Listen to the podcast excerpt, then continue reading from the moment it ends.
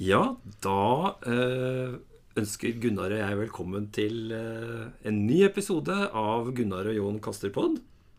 Gunnar har satt over kaffen, og vi har invitert eh, Birgitte Ellefsen, som er historiker og førsteamanuensis på Politihøgskolen, til oss i dag. Så i dag skal vi snakke litt om historie, Birgitte. Ja, Velkommen. takk skal du ha. Veldig hyggelig å være her. Velkommen til deg også, Gunnar. Takk for det. Eh, har jo sett fram til lenge å få Birgitte på besøk. Som amatørhistoriker. Jeg må jo bare innrømme med det samme at det var egentlig historiker jeg ville bli. Men eh, jeg feiga ut og ble statsviter isteden. Så da, da vet dere det. Veldig bra. Da kan jo jeg avsløre at det var egentlig politi jeg ville bli en gang. Og så ble jeg historiker. Ja, det er interessant. Jon, Ja. har du noe tekst om? Jeg hadde veldig lyst til å bli lokomotivfører en gang, men det hadde jeg ikke tenkt å snakke om nå. Nei. Jeg er ganske fornøyd med å være psykolog, jeg. Ja. Ja. Ja. Eh, ja, nå som vi alle sammen har bekjent, da kan vi jo eh, gå litt over til dagens tema, som er politihistorie. Ja, Eh, Gunnar, vær så god. ja eh, du har jo holdt på en del med politihistorie. Du har skrevet en doktorgrad politihistorie, der du har sett på opprettelsen av eh, politiet i Norge. Eh, og for tida så holder du på med en antologi om politiutdanninga. 100-årsjubileum.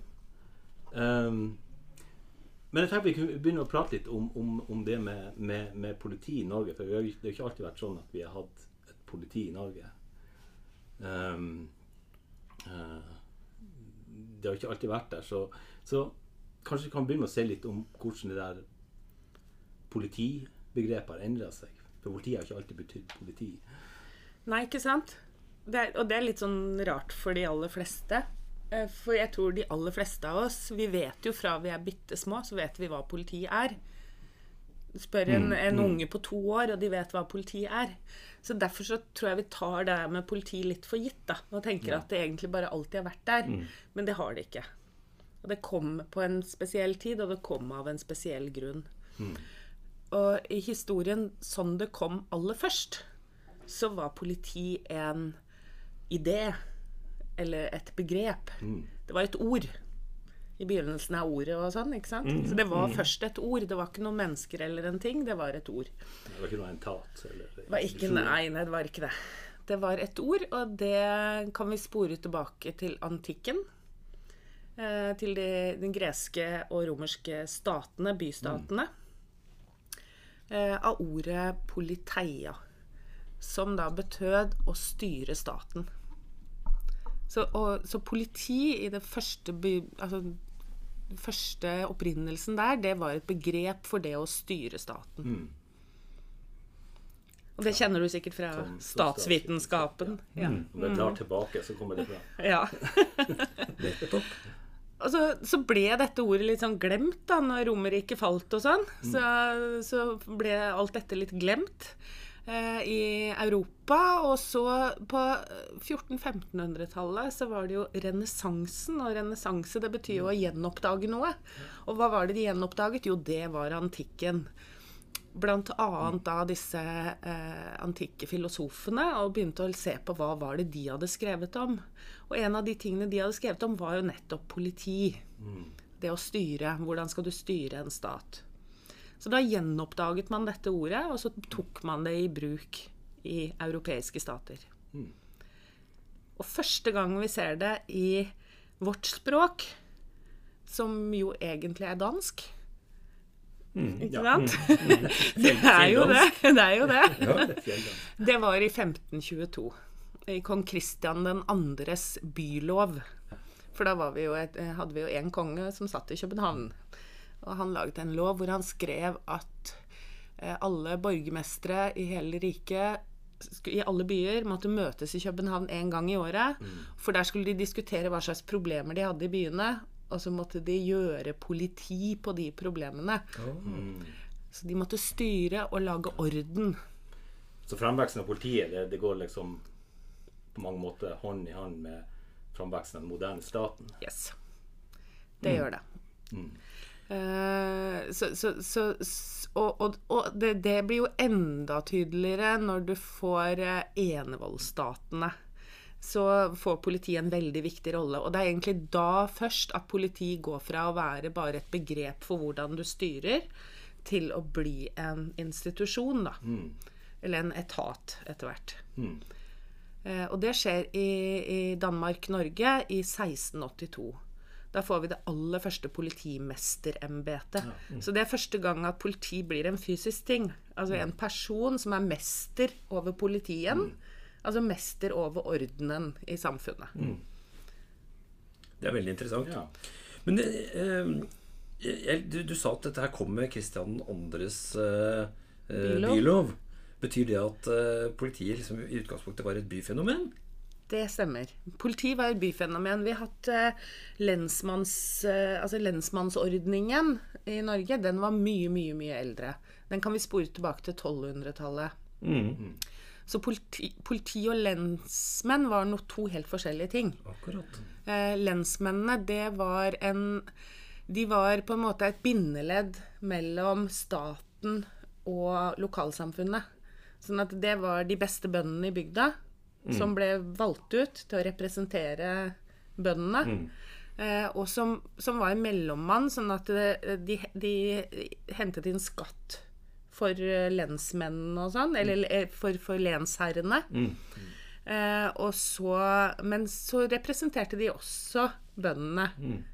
Så, sånn utover i eneveldet og sånn, så hendte det også at lensmennene ikke bare iverksatte det kongen befalte, men at de også eh, støttet bøndene i en sånn protest Ja, til eh, kongen. Akkurat. Så de hadde en sånn mellomfunksjon. Ja. Mm. gikk litt fram og tilbake Ja. Mellom interessene. ja. Ja. Så det var faktisk ikke før i 1995 at politi- og lensmannsetaten ble én og samme etat med én og samme sjef. Nettopp. Før det så var lensmennene De var delvis integrert i politi sammen med politiet, men de var ansatt av fylkesmennene. Ja, akkurat. Og det forklarer kanskje også Vi skal komme tilbake til dette med utdanningen etterpå, men det forklarer kanskje også det at det var liksom lensmannslinjer og politilinjer på Politihøgskolen, eller på Yes, Politiskolen. da. Det stemmer, fordi at lensmennene hadde flere oppgaver enn de oppgavene de gjorde for politiet. Ja, akkurat. Mm. Ja. Hm. Det var veldig interessant, syns jeg. Ja, Yeah. så Mens uh, politiet var altså et byfenomen fra i utgangspunktet. ja. Ja. Og det var et veldig lite byfenomen. Altså, det var jo ikke mange byer. Det var, ikke sant, Under hele envoldstiden, da, som var sant, fra 1660 til 1814, så var det fire stiftsbyer i Norge som var de administrative sentraene. Og det var de som fikk politimestere. Akkurat. Først i Trondheim, og så i Bergen. Og så kom det i Kristiania, som da heter Oslo i dag. Og så i Kristiansand. I de store byene først, og så i Kristiania. Ja. ja. Men hvis vi, hvis vi spoler litt fram, så var vel den, altså det første politiet, politietaten, ja. Det kom i Kristiania da. Og det var i 1850-årene, eller eh, Ja, nå tenker du på, på politiet litt sånn som du vil tenke på det i dag, med, sånn- så- så- så- med at de har liksom eh, har, har eh, patruljer og sånne Ja. ting. Ja, Det kom i, Kristiania da i 1858. Det var, for, det var i aller første gang. Før det så var det Politimestrene kunne ansette folk til å hjelpe seg mm, med å gjøre jobben sin, og de ble kalt betjenter. Derav politibetjenter. Men det var ikke mange. Og sånn nattvekter, var det? Ja, altså I byene så var det helt tilbake til 1400-tallet så var det sånn at borgerskapet ansatte folk til å patruljere om natten for å melde hvis det brant. for de, de eide jo alle disse husene. Ja. Så de var redd for at de skulle brenne. Og de ble kalt nattvektere. Eh, Men de patruljerte ikke på dagen. Det var ikke noe politi da som drev og patruljerte ute i det offentlige rom. Det var det ikke. Men det var først og fremst et brannvern på natta, det, altså. Ja. ja. Men politimesterne kunne få hjelp av vekterne hvis de trengte å få litt muskler, da. Eh, Men, men det var ikke noe sånn som politistyrke som vi tenker på i dag. Så det vi kan si, før vi fikk oppretta politi, sånn som vi tenker på det i dag, så, Mm. så hadde vi en politimester da, som ja, hadde et mye bredere portefølje. Og den personen kunne på en måte hente inn folk alt ettersom. Enten Ja. det var å opprettholde orden, eller det var brannvern, eller hva det var. Så det var Ja. Det var til og med Politimesteren var til og med ansvarlig for å organisere sånn brannøvelser i byen. For det var borgerne ja.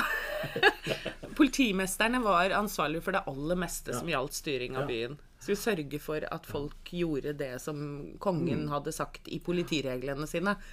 At det ble den ordenen som kongen ville ha. Ja. Mm. Mm. Men eh, hvis, vi, hvis vi da går fram til, til eh, 1858? 1858 ja. Eh, kan- Kanskje du kan si litt om, om hva som var på en måte bakgrunnen for den? Altså det, det kom ikke ut av ingenting, det der. Nei, det gjorde det ikke. Altså, fordi det som skjer i 1858, da, er, eller i 1859, 1. januar 1859, så får man da i Kristiania en eh, Det blir etablert en konstabelstyrke som bestående av 60 menn, som da blir ikledd sånn mørkeblå ulluniformer, eh, og som skulle patruljere i byen. Og de delte inn, inn hele byen i sånne soner og målte opp antall skritt. Og hver konstabel skulle patruljere så og så mange runder innafor sitt område. Ja. Ja. Eh, og dette skulle gjøre i skift, sånn at de patruljerte døgnet rundt. Og dette var helt nytt. Det hadde de ikke hatt før. Um, og, og grunnen til at man fikk dette her, det var eh, at man var blitt kjent med at denne ordningen hadde de andre steder, og da spesielt da i London. For den, denne konstabelstyrken og denne måten å, å, å tenke rundt politi på, det kom fra London. Og det kom fra London Metropolitan Police, som ble etablert i 1829 av sir Robert Peel. Mhm. Og det er da jeg pleier å spørre studentene mine hva heter det politiet? Hva kaller vi det politiet? Vi kaller de bobbies. Hvorfor kaller vi de bobbies?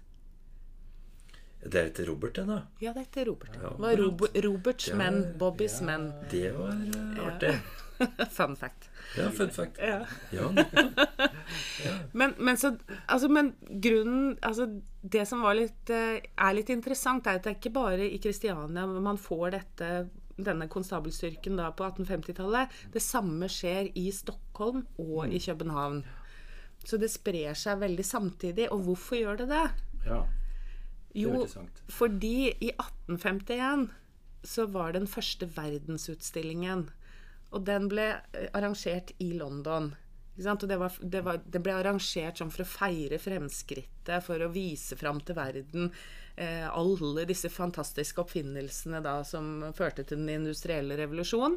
Så folk fra hele verden reiste til London for å se på dette. Eh, og deriblant masse journalister. Og også norske journalister.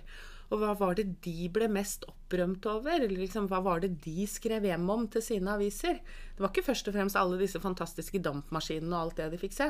Nei, det de var mest øh, forbausa over, det var at det går an å ha så mange mennesker øh, som kommer fra hele verden i 1851, bare tre år etter ikke sant, revolusjoner som hadde spredd seg fra Paris og gjennom hele Europa, hvor man var veldig redd for opptøyer og uro. Og så klarer man i London å holde alt helt rolig og fint. Ingen opptøyer, alle oppførte seg fint. Hvordan klarte man det? Jo, de hadde et helt fantastisk politi. Så det skrev de hjem om da i norske aviser, og, og aviser rundt i hele verden. Og så, slik ble dette politiet kjent, da. For, Har du sett sånne beretninger fra avisene? ja. Ja, Det er så morsomt. Og da skriver de Ja, men- om Ja, de gjør det. ja. Og, gå og, og helt inn i det. Og noen sendte til og med I Stockholm så ble det sendt Eller fra, fra Sverige så sendte de vitenskapsfolk for å studere dette politiet. Ja, og for, hvordan kan vi få et likt politi? Og, Ja. For de relaterer til norske forhold også. Ja, ja. Og, og måte, og, og denne konstabelreformen som vi da får, og som de også får i Sverige og i Danmark, de er helt modellert etter den engelske modellen. Så det er helt sånn bevisst at de velger den modellen. Men var det noe sånn debatt i, i forkant? Var det noe sånn Hva var på en måte begrunnelsene de hadde for det her? Nei, altså Det var vel kanskje to hovedårsaker som jeg har funnet da i doktorgradsarbeidet mitt, hvorfor vi får dette. Eh, Det ene handlet om at eh, det var jo en voldsom byvekst i første halvdel av 1800-tallet. Særlig Kristiania vokste enormt raskt. Eh, mye folk som flytta dit. Industrialisering. Mye trafikk. Så du fikk mye problemer da, med mye folk på, på samme sted. Og problemer med alt fra sånn eh, smittsomme sykdommer, urenhet og, og sånn vedlikehold av det offentlige rom, og trafikkproblemer og tyverier og ja. Så var det mye fyll også på Ja, mye fyll, ikke sant. Prostitusjon og altså, mye av det da som, eh, som ifølge disse politireglene var uorden, da. Ja, som man måtte få rydda opp i. Eh, og da hjalp det jo ikke å være én politimester med seks betjenter, eller ni, tror jeg det var det han hadde da, i hovedstaden. Politimester Morgenstjerne. Så dette, det, dette var ikke nok. Så det var den ene grunnen. Eh, Den andre grunnen var eh, revolusjonsfrykt. Sant? Etter 1848 så er man kjemperedd for revolusjon eh, i hele Europa. Og i Norge så hadde vi jo en direkte konsekvens av 1848, var jo tranebevegelsen. Eh, og den eh, var jo ikke kongen i Stockholm spesielt glad for. Vi var jo da i union med Sverige, ikke sant. Så eh, kongen var veldig redd for, for det, eh, og at, og at det kunne bli revolusjon. Og, og da hadde man behov for å ha på en måte en styrke å sette inn mot de som eventuelt skulle gjøre opprør. Og så var vi jo på dette tidspunktet blitt et konstitusjonelt demokrati. Så vi hadde en grunnlov. Og ifølge Grunnloven så var det ikke lov å bruke militæret mot egne borgere. Nei. Og, så det var på en måte Det ble ansett som en, en ting man måtte prøve å unngå. Eh, men man hadde jo ikke noe alternativ. Disse nattvekterne var ikke liksom brukende til dette her. Så, så alle sånne opptøy man hadde hatt Man hadde mindre opptøyer eh, ganske ofte, streiker og sånn, så måtte man be om bistand fra militæret. Og det ble, førte til mye debatt og misnøye, da. Og ble sett som en sånt maktovergrep mot eh, innbyggerne. Var, var det noe motstand, eller var det sånn bred enighet om det her? inntrykk av det? Det var diskusjoner. Det var absolutt diskusjoner. eh, Og særlig var det diskusjoner før dette her. Fordi det man var redd for ikke sant? Politiet ble jo forbundet med, siden det var så direkte knytta til enevoldsstaten? Politiet som institusjon blir jo etablert under eneveldet. Så etter 1814 så er det en lang diskusjon på Stortinget og, og sånn, som går på hva slags politi de skal ha. Eh, eh, og hvor, hvor kongen og regjeringen ønsket at politiet skulle bli statlig styrt, da, og ønsket å lage en politilov som styrte sånn at du fikk et statspoliti. Det var det veldig motstand mot på Stortinget, og særlig fra bondeopposisjonen.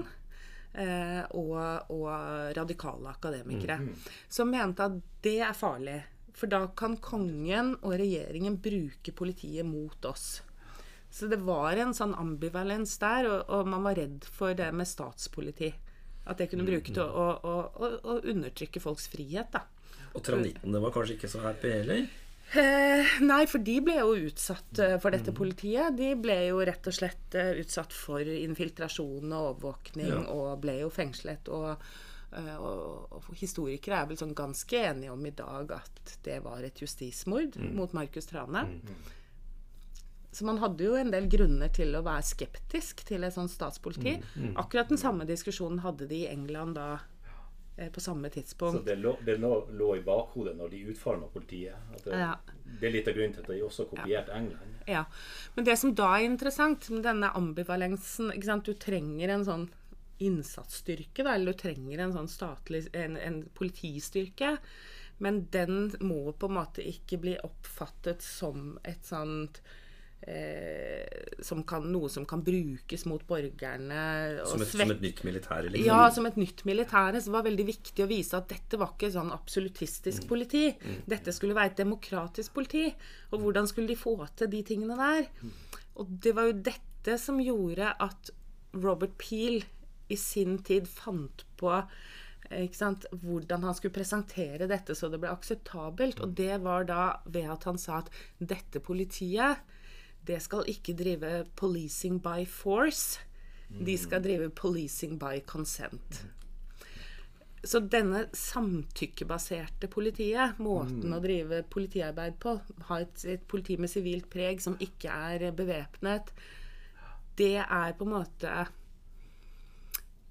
det, det er en sånn hybrid, da. Ja. ikke sant? Da kan du ha en ganske sånn militarisert styrke som, er, eh, som du kan sette inn, men det må gjøres så ikke det går eh, på bekostning av demokratiet, da. Så det går, det går en rett linje tilbake fra de grunnprinsippene som man Yes. snakker om i 1981, Ja. og tilbake til Ja. ja. Så, så den, denne, denne nærpolitimodellen som, som, ble vet, som ble da etablert av politirolleutvalget i 1981 og vedtatt av Stortinget, og som fortsatt Stortinget sier at disse ti grunnprinsippene for nærpoliti gjelder i Norge, det har sitt direkt, altså opphav i, i da, det, denne prinsippet om 'policing by consent'. Men det du sier, er at uh, det Like mye som det var verdibasert, så var det basert i å gjøre dette politiet salgbart og spiselig Mm. i var- samtiden. Ja da. Ikke sant? Fordi en del av dette var retorikk òg, ikke sant? Eh, men, men, men samtidig, altså eh, Men det fikk også konsekvenser. Altså, sånn som politimester Morgenstjern, når han får denne styrken, eh, så, så er han også veldig bevisst på at de han da gir instrukser til, må drive policing by consent. Så han er veldig sånn Jeg har lest de politiinstruksene hans og de instruksene til mannskapene, så står det veldig Veldig sånn klart forklart for de dette prinsippet de skal arbeide etter. Så Morgenstjerne er en veldig sånn sentral aktør eh, Ja. i Norge. ja. Ja. Men du, du sier altså Da de ble oppretta, så var det først Det var bare et sånn konstabelkorps. Men det, det går ikke så lang tid før de får en mer sånn spesialisering også inn i Nei, det, det tok ikke så lang tid. Eh, fordi, fordi at det som Det som skjer, er jo at eh, eh, når du får et konstabelkorps som begynner å patruljere i gatene, hva er det som skjer da? Jo, de, de skal forebygge. Det er oppgaven deres. Forebygge uorden og forebygge kriminalitet. Eh, men det de også gjør, for de patruljerer sine faste områder, er jo at de begynner med det vi i dag kaller stopp og sjekk. Ja. Og hva skjer da? Jo, de avdekker kriminalitet. Ikke sant? De, de tar folk som har eiendeler som tydeligvis ikke er deres, og så tar de de inn, og så oppretter de en sak, for da måtte de anmelde det. Eh, sånn at eh, kriminalstatistikken bare øker. Antallet anmeldelser bare øker og øker. Eh, og i andre enden så sitter det bare noen kjempefå betjenter som ikke klarer å håndtere det. Så du får ikke etterforsket disse sakene. Samtidig, parallelt med dette, så driver man og, og legger om eh, domstolsordningen og sånn, som man, man har vedtatt på Stortinget at du skal innføre en juryordning, ikke sant? Og, og, og det igjen gjør at man må få til at sakene er bedre belyst før de kommer til domstolen. Man måtte sikre eh, litt mer ordentlig bevisinnhenting, og at eh, sakene var godt forberedt før de kom til domstolen. Eh, Så det var også et krav om at politiet måtte liksom bistå med etterforskning. da. Ja. Bistå, innhente bevis og sikre bevis og, og etterforske saker. Så den der etterforskningsfunksjonen til politiet, den kommer egentlig da eh, på denne tiden her. Og da ser da politimester Morgenstjernes etterfølger, Michelet, han ser i 1866, eller litt før, i 1864, så sier han at dette går ikke. Jeg kan ikke ha er, Jeg har liksom én styrke som hovedsakelig består av konstabler og noen få betjenter. Eh, og det, jeg får masse saker, men, men er, vi klarer ikke å se noe mønster i disse.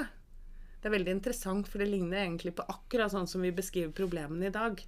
At ikke vi klarer å se mønster på tvers av saker og personer og slike ting. Det er akkurat de samme utfordringene. Ja, Så han argumenterte da for at her må vi foreta en omorganisering. Vi må få spesialisert politiet.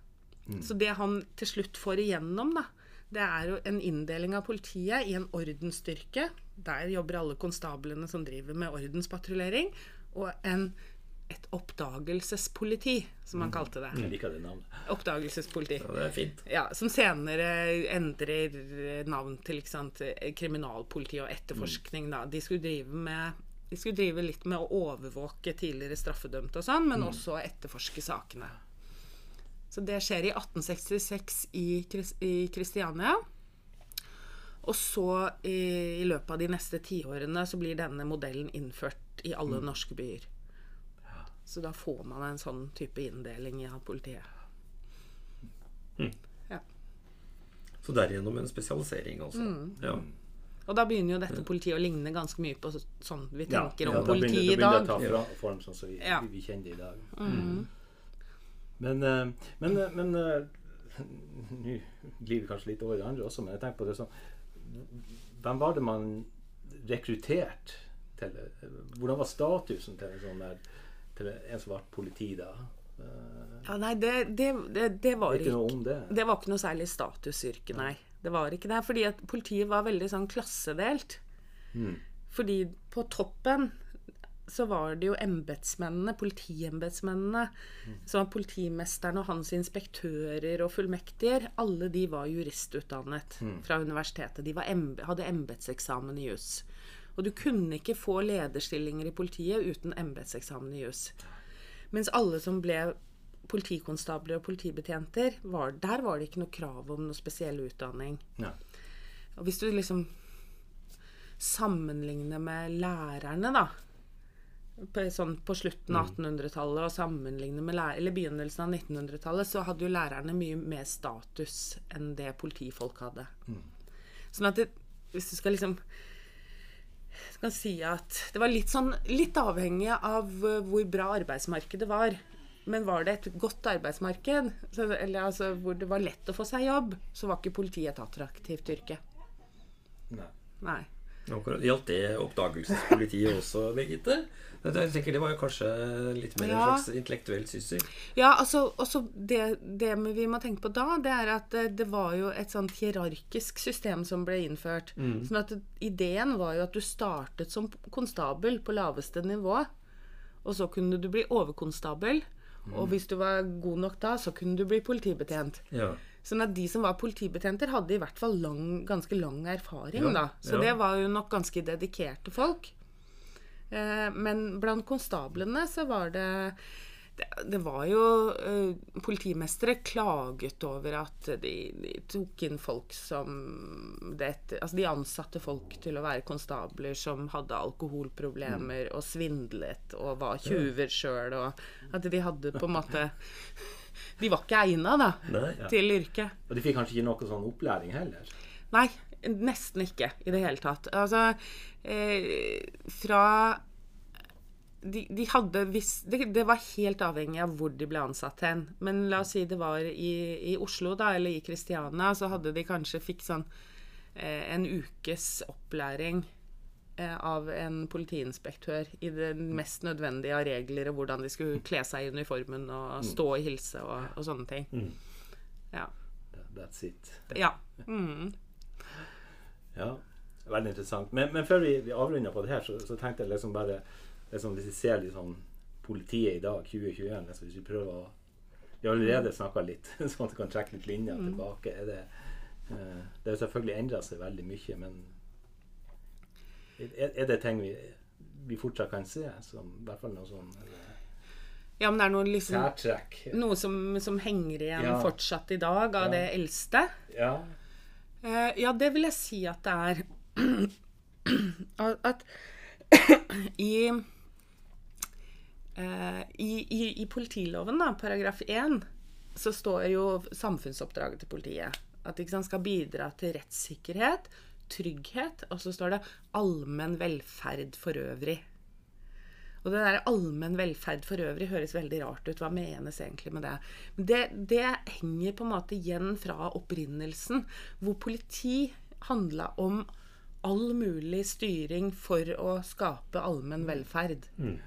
Så, så sånne ting kan du se. Du finner sånne små ting igjen. En annen ting som henger igjen fortsatt i dag, er jo disse kommunale politivedtektene. sant? Hvor det står sånne ting som å helligdagen ikke sant? Det er ikke lov å bruke gressklippere på helligdagen, og handler om tilgrising i det offentlige rom og sånne typer regler. De kan vi spore helt tilbake til de tidligste politiforordningene fra, fra 1700-tallet. Som har som regler for byen. ikke sant? Hvordan skulle være orden i byen. Så det er fortsatt en god del ting som henger igjen, Ja, det har satt sine spor. Ja. Men det er, jo, det er jo artig da når vi begynte å snakke om at politi var eh, ikke noen personer, eller mm, det var en ting. Ja. Og så kan vi igjen se igjen dette her med den allmenne velferden, som du sier. Det, det, det er vi tilbake til det politibegrepet som var før politiet. Ja, det er artig. Ja. Um, ja, og så uh, har vi snakka litt om opplæring og uh, rekruttering. Og da vil jeg jo si at om ikke 101 er ute, så er det i hvert fall 101 år siden vi fikk uh, en statlig politiutdanning. Det stemmer. Ja, Og det har vi jo eh, det, det har jo du ansvaret for et eh, helt eh, bokprosjekt om. Ja. Og har skrevet om. Ja. Da er vi 21 forfattere som har forska og skrevet om politiutdanningens historie i en bok som kommer nå i 24. november. Ja, Og hvor du er medredaktør. Ja. Mm, det er jeg. Ja, Sammen med Vanja. Vanja Lundgren Sørli og Marit Egge. ja. Viktig å få det på plass. Og i, eh, i, dette, i dette bokprosjektet så har jo du eh, skrevet om eh, så har, så har du et bidrag om eh, de mer sånn overordna sidene av politiutdanninga, ikke sant? Ja, jeg har, jeg har vel skrevet eh, Jeg har skrevet en del om det jeg har kalt kampen om politiutdanningen. Ja, da. ja. Hvem, er det som, hvem er det som har bestemt over denne politiutdanningen Ja. gjennom 100 år? Ja, Og hva er det de har vært opptatt av? nettopp. Ja, Det er det jeg har forska på. Ja. Hva, er, hva er det mest eh, oppsiktsvekkende og iøynefallende du har sett i den historien, da? Fra den kampen? Oi. ja. ja, hva skal jeg si da? Det er mye, uh, mye å ta. Jeg vil, jeg vil kanskje si at uh, jeg ble overraska over hvor mye kamp det har vært. Ja. Ja. Det har, det har skapt det, det har vært mye engasjement og mye, eh, mye mm, konflikter rundt denne politiutdanningen. Og sterke Gjennom- interesser, sikkert? Sterke interesser. Ja. Mm. Og det er jeg, Egentlig burde jeg kanskje ikke vært så overrasket, for det er, fordi sant, Vi snakker jo om en utdanning som handler om hva slags kompetanse de folka skal ha som forvalter det vi kaller statens voldsmonopol. Da. Så det er jo uhyre viktig. På Så det er jo egentlig bare flott at det har vært så mye engasjement rundt denne utdanningen. Tidvis veldig turbulent i den perioden også. Ja, det også. Ja. Mm. Jeg har jo også sett på liksom, hvorfor fikk vi en utdanning, og hvem var det som liksom kjempet for det. Og, og, og det jeg har sett, og hvis vi sammenligner da med andre profesjonsutdanninger, da, som vi kan sammenligne med, så, så kan vi jo si at uh, fagforeningene har spilt en, en spesielt sterk rolle når det gjelder politiutdanningen. Og da særlig uh, det som i dag heter Politiets Fellesforbund. ja. Mm. Akkurat. Og det var kanskje knytta til, til det du, du snakker om, altså det med at Ja. det, det var veldig mye rart som ble rekruttert, og de ville ha opp statusen. Ja, fordi det var så klasseskille. Jeg begynte å si litt om det, ikke sant. At det var så Det var så Det var så var sånne ugjennomtrengelige skott mellom de juristutdanna politiembetsmennene og de uutdanna politikonstablene og politibetjentene. Eh, du kan sammenligne det litt med, med kanskje hvordan relasjonen mellom sykepleiere og leger. Mm, Sånn at det, var en, en eh, Profesjonskamp. en profesjonskamp. Eh, og, og, Som vi ser ennå i dag. ja, og, og behovet for å få en utdanning, da. Det handla fra de politi... Fra liksom de underordnede politifunksjonærene, som de kalte seg. Altså politibetjentene og politikonstablene. Det handlet jo om å få noe tyngde i på en måte kampen mot, uh, mot de overordnede. Mm. Når de skulle få gjennom sine krav og være med på å få bestemme ting og sånn. Så måtte de ha noe tyngde, de måtte ha noe status, de måtte ha noe kunnskap å slå i bord med. Men dette med, med at utdanning og eh, Eller at utdanning eh, er et middel for å øke profesjonens eh, status og anseelse, det er jo ikke så uvanlig. Men, men, men allikevel så syns du at dette har spilt seg ut på en litt annen måte i politiutdanningen enn i andre, i andre fag man kunne sammenligne med? Altså, jeg, jeg, jeg Altså, fag, fagforeningene har vært veldig sånn sterke aktører, da. Ja, i- gjennom hele tiden og hatt veldig mye å si for hvordan denne utdanningen har blitt. Ja, korrekt. Gjennom store deler av disse 100 årene. Jeg kjenner jo igjen det du sier fra Jeg har vært med, og, med et bidrag her sjøl. Ja. Og vi har skrevet om, om eh, psykologien i politiutdanning, og det er akkurat det vi ser. Det er, eh, det er fagforeningsinteressene som har i forskjellige epoker pressa litt på.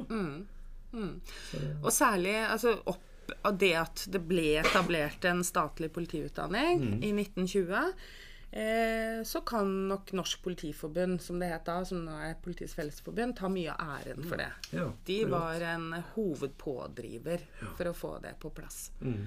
Um, så og, og ikke minst under da, den perioden som vi kaller Arbeiderpartistaten. Da.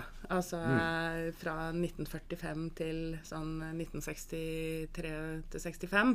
Ja. I den perioden, de 20 årene der, så var det vel eh, fagforeningene som satt liksom og bestemte det meste som skjedde. Altså hva slags innhold denne utdanningen skulle ha, og osv. Ja. Men når det gjaldt skolens ledelse, så tok det kanskje litt lengre tid. Da tok det helt til eh, Altså fram til 1962 så var alle som var ledere ved Politiskolen, eh, som det het da, eh, de var jo jurister. Det, var måte, det var jo et, en eh, embetsmannstittel, det å være sjef for Politiskolen. Så der hadde de monopol. Men så åpnet jo da eh, regjeringen, da, Arbeiderpartiregjeringen, for da at, eh, at også de som ikke var juristutdannet, burde kunne få, ha mulighet til å få lederstillinger i politiet. Og i 1962 så ble da den første ikke-juristen utnevnt til sjef ved Politiskolen. Nettopp. Og hvor kom han fra? Han var jo da tidligere leder av Norsk Politiforbund. Ja, akkurat. Ja. akkurat. Det var Bakkane. Det var Bakkane. Og det førte faktisk til regjeringskrise. Akkurat. Så da, da måtte nesten Gerhardsen-regjeringen gå fordi det ble mistillitsforslag. eh, Og eh, han ble reddet av to stemmer, en fra, fra mm, SV og en fra Senterpartiet, tror jeg. Så vidt det var. Nettopp. Og så tok det bare noen få måneder til, og så måtte han gå uansett pga. Kings Bay. Så kom Kings Bay, ja. Men Ja. eh, det holdt på å ryke på Ja. uh, en ikke-embetsmann Ja. på politiskolen. Mm. Akkurat. Mm. Det er ikke så kjent. Nei. Det er ikke Før så nå. kjent. Ikke før, Før nå. nå. Eh, nå har vi snakka litt om bakgrunnen da, for uh, at en sånn sentral utdanning ble oppretta, og, det- og hvem som sto på for det. Men eh, hadde dette noe å si for rekrutteringa og mangfoldet i politiet, tror du?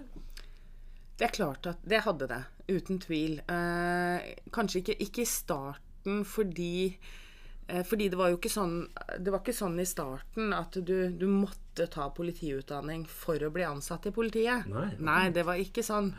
Eh, de som fikk mulighet til å ta utdanning på Politiskolen, de var allerede ansatt i politiet. Ja.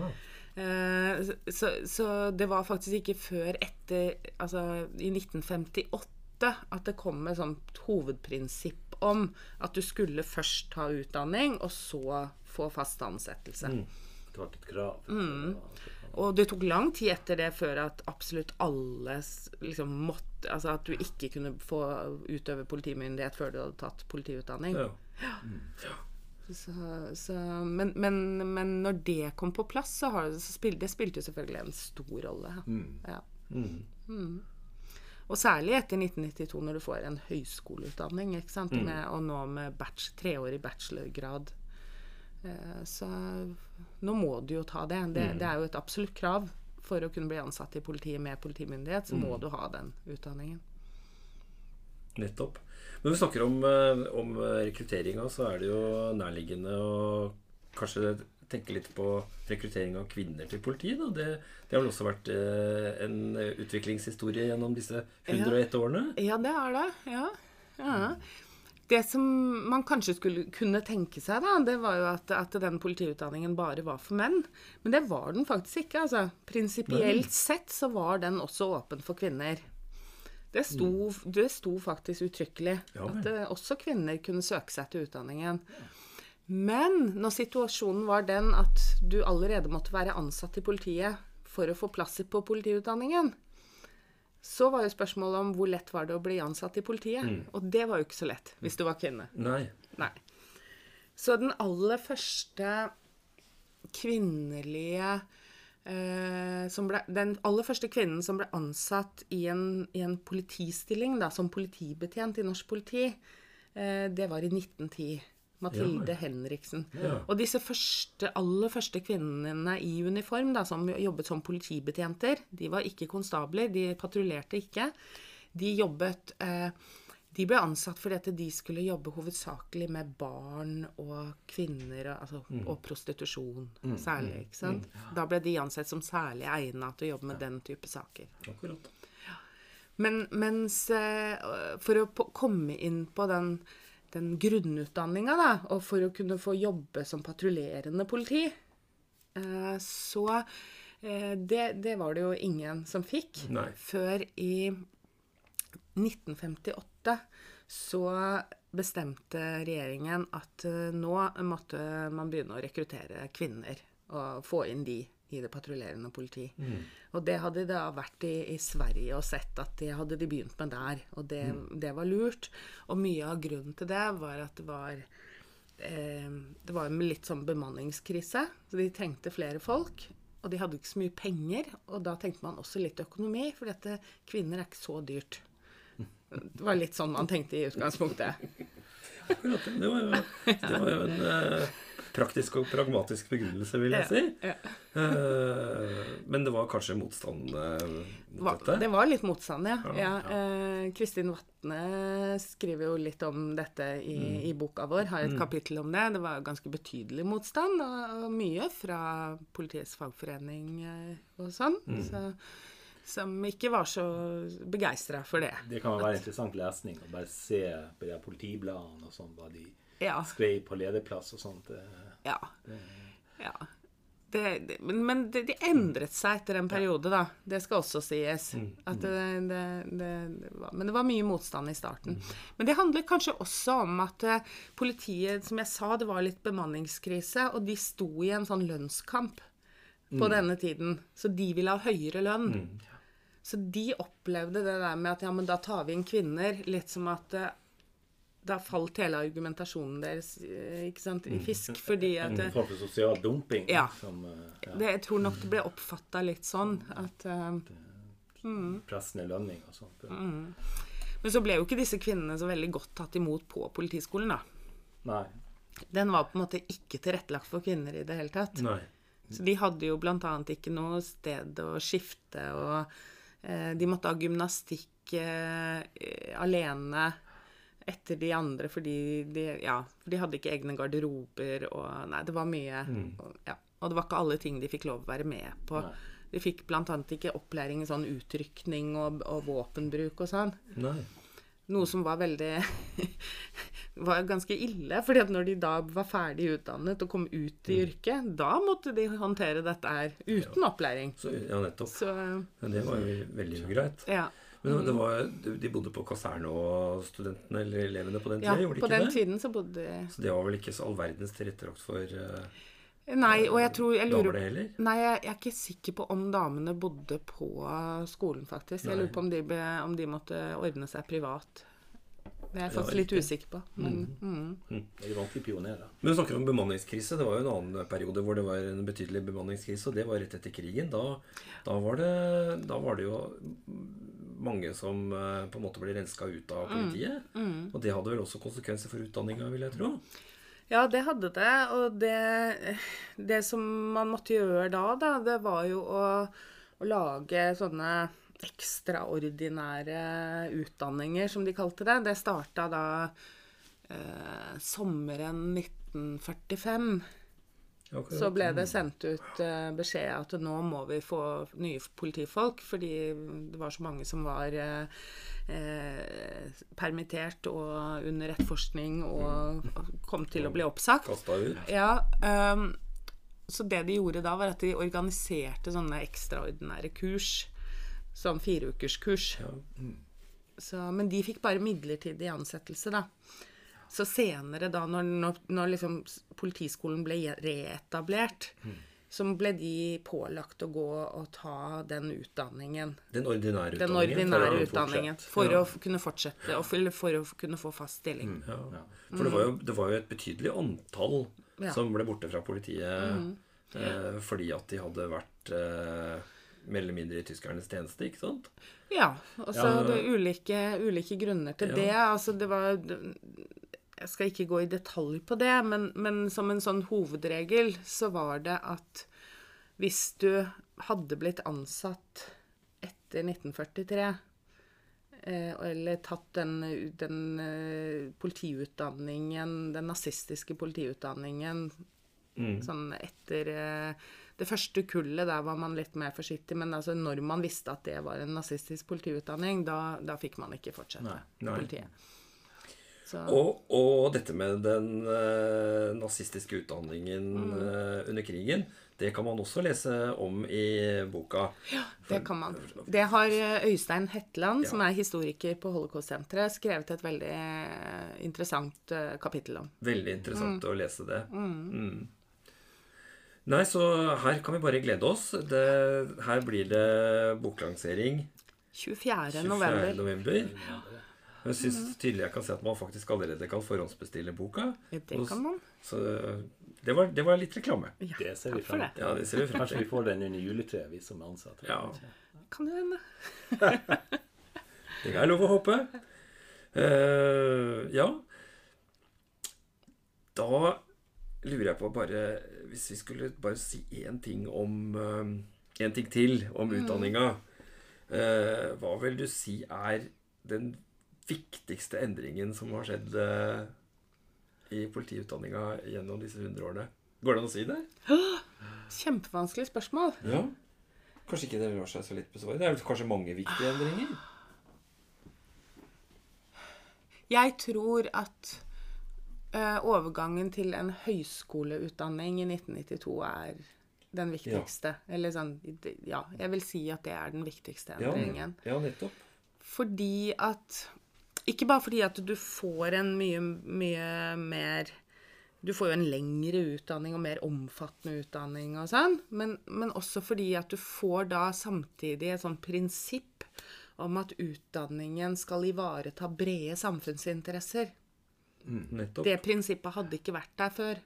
Det ble veldig sånn eksplisitt uh, tydeliggjort ved Ja. overgangen til høyskole. Ja. Og det å få denne, bland, denne, denne dobbeltrollen som på en måte en del av etaten, å levere liksom politifolk til etaten, men også være en del av akademia. Å levere forskning til samfunnet, og levere politifolk til samfunnet. Ikke bare til etaten. Har, det påvirket, har den, over, den overgangen som, eh, til høyskole Tenker du den har også påvirka politirollen på noen måte? Ja. Det er jeg ikke i tvil om. Det har den gjort. Ja. Det, det, eh, det, fordi det, det får som en konsekvens at man, man må være litt mer bevisst på at, at du, skal, du skal ikke bare lære hva som er eh, faglig godt og effektivt politiarbeid. Du skal også lære noe og tenke litt sånn kritisk om hvordan det politiarbeidet oppleves fra de som blir utsatt for det. Ikke sant? Og hvordan politiets rolle i samfunnet. Du må ha liksom bevissthet rundt det. da. Eh, og det tror jeg har vært bare et, et, et eh, entydig gode for etaten. Det, Men å, det er ja. det å reflektere, og, over, og reflektere over politirollen og reflektere Og, og se, se seg selv på en måte litt med samfunnets blikk. Ja. Ja. Det er interessant. ja. Det tror jeg. Og det var vel ikke noe selvfølge at vi skulle havne der heller. Nei. Det er det ikke, fordi eh, politi, Politihøgskolen er jo litt i en særrolle fortsatt i dag. Fordi vi er jo Jo, vi er en høyskole som er eh, Vi har liksom i prinsippet samme akademiske frihet som alle andre universiteter og høyskoler, og i prinsippet må vi oppfylle NOKUTs krav på lik linje som alle andre for å opprettholde akkrediteringer og sånn. Så vi er jo en del av akademia. Men vi er jo også i en litt sånn særsituasjon, fordi vi eh, er jo underlagt Justisdepartementet, og ikke Kunnskapsdepartementet eller forskning. Sånn som de fleste andre universiteter og høyskoler er. Sånn at vi er liksom både et særorgan i politietaten og en akademisk høyskole. På godt og vondt. På godt og vondt. Ja. Ja. Skal vi spørre Birgitte litt om eh, historieforskningas Ja, plass i politiforskninga, Gunnar? Ja, jeg, sy- jeg syns vi bør, vi bør gjøre det. Gjøre det altså. Uh, eh, og derfor spør jeg Nå er det egentlig på overflødig i og med det vi har snakket om, men, men når jeg spør hvorfor er det viktig med historieforskning om politiet Ja. ja, ikke sant. Hvorfor er det viktig? Um, jeg tror det er viktig på forskjellige måter. Uh, det er viktig for uh, ikke sant? Det kan være en viktig del av en profesjonalisering å kjenne sin sant? Et, profesjonens historie. Det kan bygge en sånn Litt sånn som at historie sånn tradisjonelt har jo vært en sånn nasjonsbyggende prosjekt. Ikke sant? Det er viktig for oss som, som borgere i Norge og kjenne historien. Så du, du kan ha et sånt aspekt ved det. Men, men, det. men det er jo også viktig fordi at eh, i dag da, så er det jo sånn at eh, det kreves veldig mye sånn at forskningen skal være, være relevant, og at den skal være frem, fremoverrettet. Ikke sant? Så I hvilken grad kan, eh, kan vi eh, forske eller skal lage kunnskap som gjør at politiet kan forutse ting som skal komme til å skje, eller forebygge, ikke sant? Eh, og spå om fremtiden for å kunne være der sånn nesten før det skjer. Eh, det er jo litt sånn eh, presset som kommer. Da er det utrolig viktig å ha også et sånt historisk perspektiv med seg. Eh, fordi veldig ofte så er ting man tenker er litt sånn utdatert og gammeldags. Hvis ikke man går inn og undersøker litt hvorfor det er sånn, så er det fort gjort å kvitte seg med det. Eller tenke at det er utdatert, nå må vi ha noe nytt. Det er ikke moderne. Det er liksom Eller at vi tar ting for gitt. Ja. At sånn har det alltid At vi tar ting for gitt. At det er helt Ja. naturlig at det er der. Ja, og ikke stille spørsmål ved det og, og sånn. Og det er, det, er, det er litt sånn Det er litt sånn Ja, jeg tenker sånn én ting nå, da, er jo denne nå har vi fjernet lensmannstittelen. Nå, nå skal det ikke finnes lensmenn i Norge lenger. Og det, er måte, og det kommer som en konsekvens av at man har nedsatt en gruppe som skal se på kjønnsnøytrale titler i politiet. Eh, og det er viktig og forståelig og alt. Eh, utfordringen her er at man, man, man kanskje i liten grad har vurdert hva er det ved denne lensmannstittelen Er det noe mer enn bare tittelen? Hva er det vi mister her nå? Ja. Eh, Så, så der, der hadde jeg, savner jeg litt sånn større bevissthet rundt det, det historiske som ligger i begrepet. da. Litt sånn retorisk har vi vært litt sånn ahistorisk i politiforskninga, syns du? Ja, på en del punkter så, så tenkte jeg ikke si. ja, jeg, Jeg, jeg, jeg ser tilbake Ja. på en del forskning jeg har gjort, og uh, jeg tenker at eh, ja, det ville ha tjent seg med en litt mer sånn historisk perspektiv. ja, jeg, jeg, jo, jeg, jeg, jeg syns det på noen, eh, på noen områder. Sånn som hvis man f.eks. snakker Jeg ser jo ofte da at man, eh, politiforskere skriver at liksom forebygging, forebygging kommer på 90-tallet Ja. i, i politiet. Da, da, da, da får jeg litt allergi. Da, for, da, for da kjenner jeg liksom Nei, men det kom jo ikke da. Det var jo egentlig bare forebygging pol- politiet holdt på med opprinnelig. Det er jo egentlig i et langt historisk perspektiv så er etterforskning en ny oppgave. Altså har vi pratet om de grunnprinsippene også. De har Ja. kanskje, Ja. kanskje ikke artikulert på samme måte, men du finner, du finner på en Ja. måte spor av dem. Ja, og særlig når vi snakker om grunnprinsippene, eh, som jeg, jeg er veldig opptatt av. Eh, for der er det jo en debatt. Eh, og det har kommet en del signaler om at, at man fra politisk hold, og, fra, og fra, også fra etaten sin side, mener at de er utdatert, og at de passer ikke eh, til samfunnet vårt, et moderne samfunn som vi har i dag. Og det har skjedd så mye, så de bør vi kanskje endre på. Eh, og det kan godt hende, men, men da, da håper jeg jo veldig at de går grundig til verks her og også sjekker forhistorien. For disse begrepene handler jo om noe som jeg mener da er, handler om noen iboende dilemmaer i politiet som etat.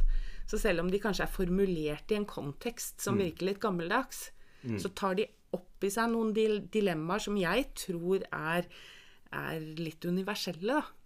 Så- som ikke kommer til å bli umoderne, for dette det er iboende dilemmaer. Mm. kanskje det er i dag at vi tar ting som tillit, legitimitet, vi tar det for gitt. Ja. Det gjorde ikke de. ja. Nei, ikke sant?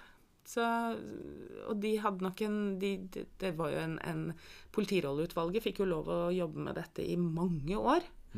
Ikke sant? Fra 1976 til 1981, før de presenterte disse prinsippene. Mm. Så de gjorde jo en veldig grundig jobb. Så jeg håper at hvis det kommer et nytt politirolleutvalg, at de òg får lov til å bruke litt god tid. Det hadde vært fint.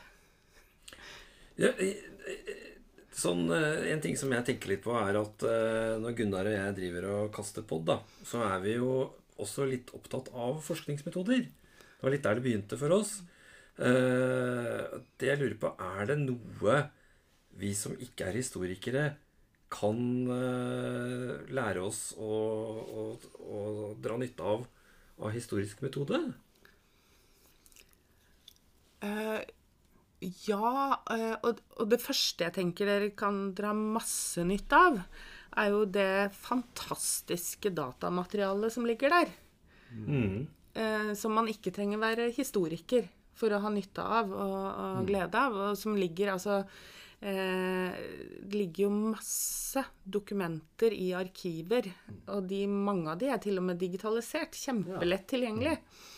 Eh, hvor, hvor man kan gjøre noen skikkelig interessante analyser av, av, eh, av en utvikling. Da. Man trenger ikke å gå så langt tilbake i tid. Men eh, som jeg tenker selv om du skal forske på et nåtidig problem, så er det alltids greit å ha med seg litt kontekst. Og Og, det- og gjøre det en liten dokumentanalyse der. Og det Så- finnes mye notoritet på det politiet har gjort også opp gjennom historien, skal jeg ha sagt. Uh, ja, altså ja. Det er litt sånn som så med orden i arkivene der, men, men mye fins der. Mye finnes der. Og særlig sånn alt som har med, med straffesak å gjøre, så mm. det, det, er det arkivert. Det aller meste. Uh, og, og det meste av Altså mye av dette her er jo også digitalisert av Nasjonalbiblioteket, av eh, Riksarkivet, av ulike aktører. Så Ja, jeg syns jo bare det, det lille jeg oppdaga av hva, for en gullgruve det er med, med de avisene som er digitalisert Ja. i Nasjonalbibliotekets uh, nett. Det er jo helt vanvittig mye nyttig som vi kan lese der. Storting, Stortingets digitale arkiv, ikke Ja. sant? Alle stortingsforhandlinger kan du søke i Ja. tilbake til 1814. Det er fantastisk. Og, og eh, Politiskolens og Politihøgskolens arkiv er jo også mulig å komme seg til. Ja. Ja. Det ligger på Riksarkivet. og- Mm. Ja. Så, det, nei, så, så jeg tenker at det starter med å bare oppdage det. Ja. Og når du oppdager de skattene som ligger der, så, så, så er det ikke så vanskelig å så liksom sette seg inn i litt sånn grunnleggende metode. Det kan man få litt hjelp til. ja det Ja, er det mange av oss som allerede har fått. Kanskje, Tusen takk, Kanskje jeg skal få realisert min indre historiker. Ja, det er jo håp for uh, oss alle, Gunnar. Det er det. Uh, Og det, jeg syns det er veldig inspirerende når vi nå hører om historien. Jeg Så det, det. du kan se det blir flere historikere av oss Får lyst til å gå i de digitale arkivene først. Ja. Så, Men det har vært eh, veldig interessant eh, å høre både om politiets historie fra deg, men også om, eh, om eh, utdanningas historie. det syns jeg også. Så Jeg kunne det- holdt på lenge. Ja. Så tusen takk for at du kunne komme. Tusen takk. Takk for at jeg fikk komme. Og takk for oss eh, i eh, Gunnar og Jon kaster. Takk for oss.